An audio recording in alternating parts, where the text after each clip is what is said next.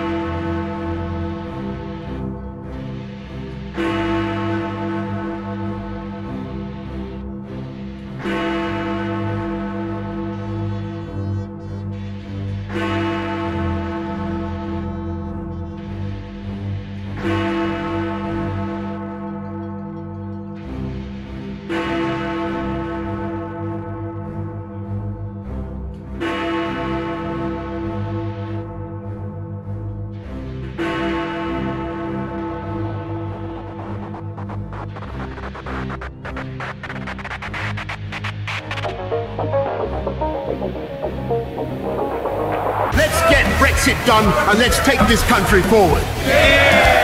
Internationaal recht bestaat niet. Dat bestaat allemaal niet. Het is allemaal in jullie hoofd. Dat, dat is niet echt. Don't be rude. No, I'm not going to give you a question. I'm not going to give you a question.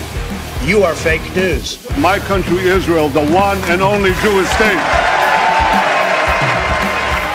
Er is veel te bespreken, dus ik begin direct. Nou ja, veel te bespreken.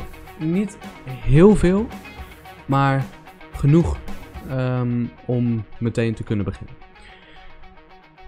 Democratische presidentskandidaat Joe Biden, die samen met Kamala Harris de Harris Administration gaat aanvoeren. Inderdaad, de Harris Administration, niet de Biden Administration.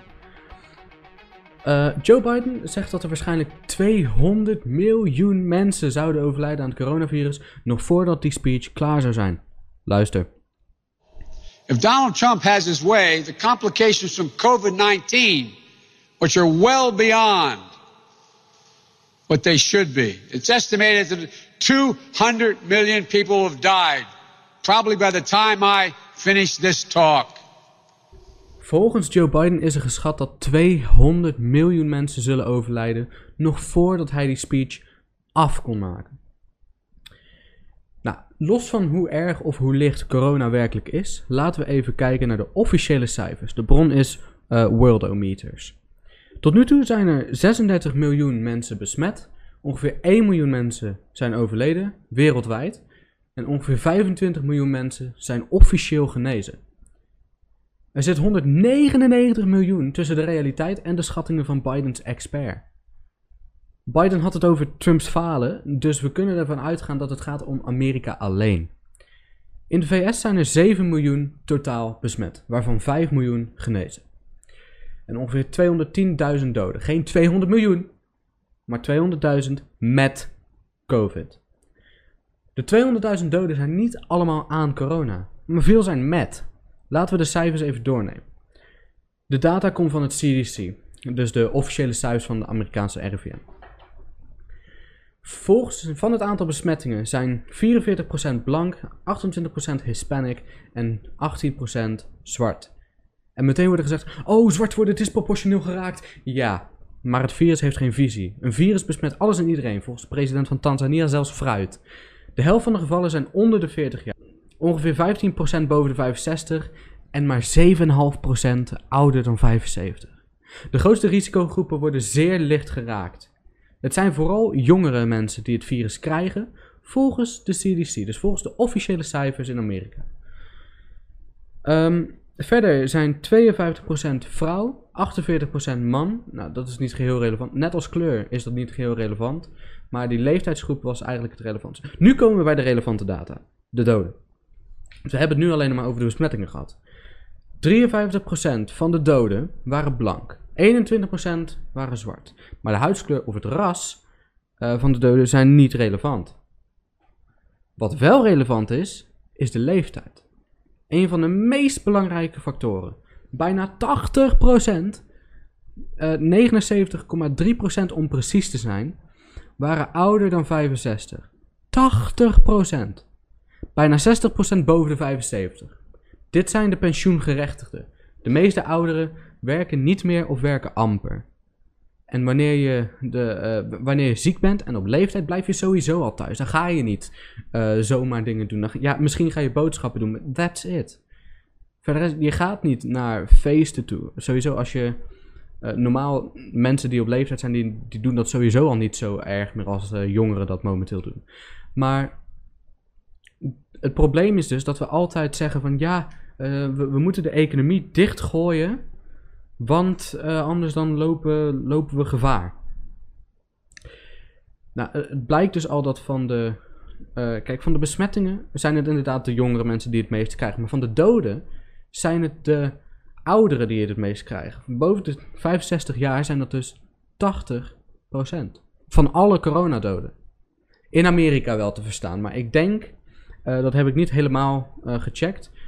ehm, dat het in Nederland niet heel veel, eh, niet heel anders zou zijn. Ja, we moeten onze ouderen beschermen. Natuurlijk moet dat.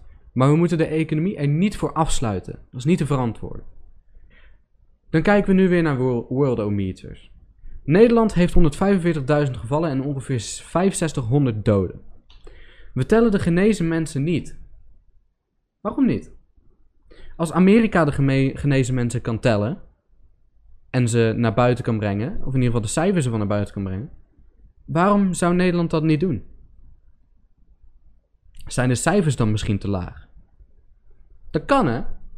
Dat eh, van die 145.000 gevallen bijvoorbeeld al ehm, ja, 100.000 bijvoorbeeld zijn genezen, ongeveer 7000 zijn overleden, dan hou je niet zo heel veel meer over. En dan is het niet meer te verantwoorden voor de bevolking waarschijnlijk om ons allemaal ja, locked up te houden, om ons in die lockdown te houden.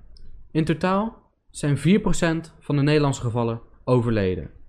En dat zijn de officiële gevallen. Er zijn er waarschijnlijk honderdduizenden gevallen meer dan de officiële 145.000 die zijn vastgesteld.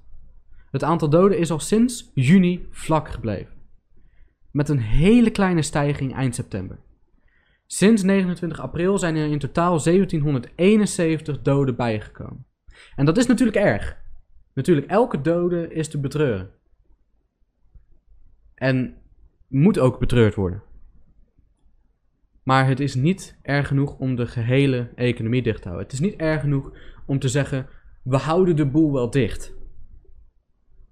Dat is disproportioneel. Over het coronavirus gesproken. Over het coronavirus gesproken. De president van de Verenigde Staten, Donald Trump, heeft het virus zelf ook opgelopen, maar voelt zich, naar eigen zeggen, fantastisch. Trump heeft drie nachten in het ziekenhuis ehm, eh, gelegen uit voorzorg en toen hij terugkwam in het Witte Huis zag dat er zo uit. Kijk.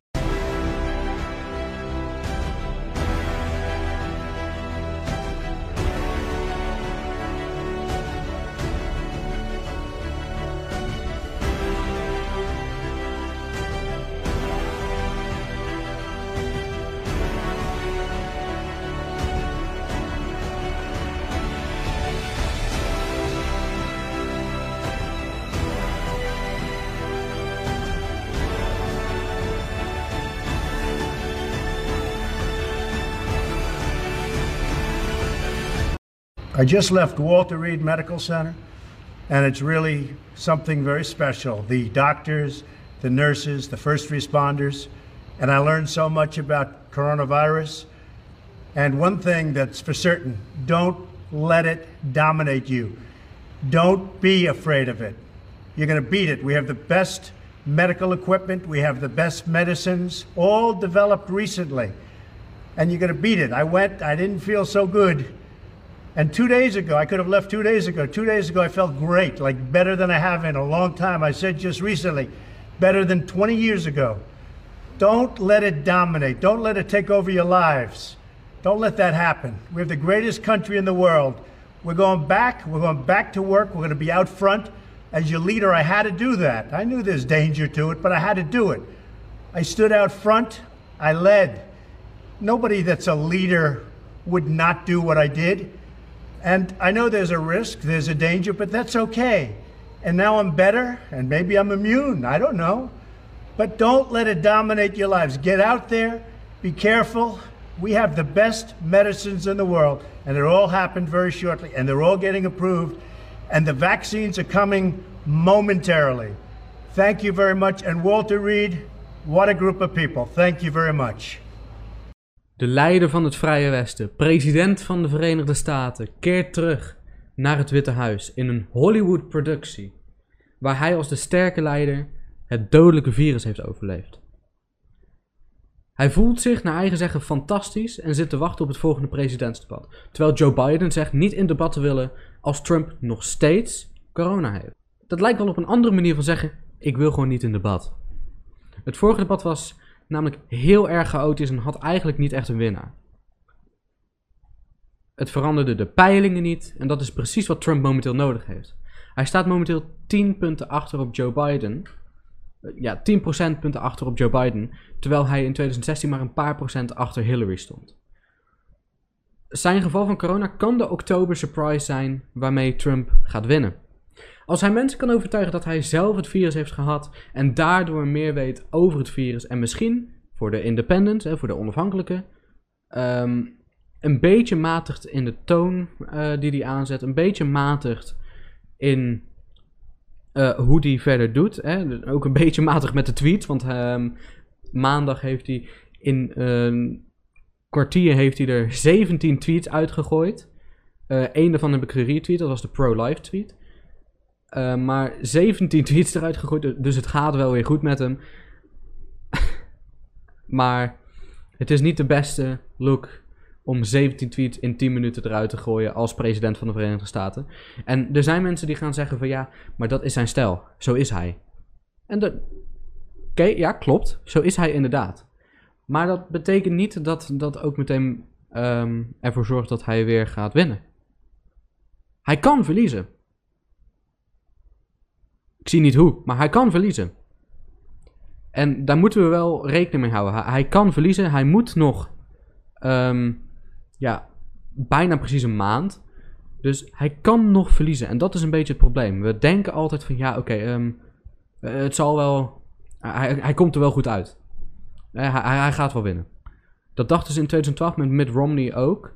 En die verloor uiteindelijk van Obama. En die ehm, race was veel closer dan de race momenteel is. Toen, waren, toen was het echt 2, 3 procent verschil. En nu, ja, ongeveer 10 procent. Vannacht is het vicepresidentsdebat tussen vicepresident Mike Pence en de democratische kandidaat, vicepresidentskandidaat Kamala Harris. Dit debat zal Pence waarschijnlijk winnen. Hij weet vaak waar hij het over heeft. Hij is een ervaren politicus en heeft veel waarmee hij Harris kan aanvallen.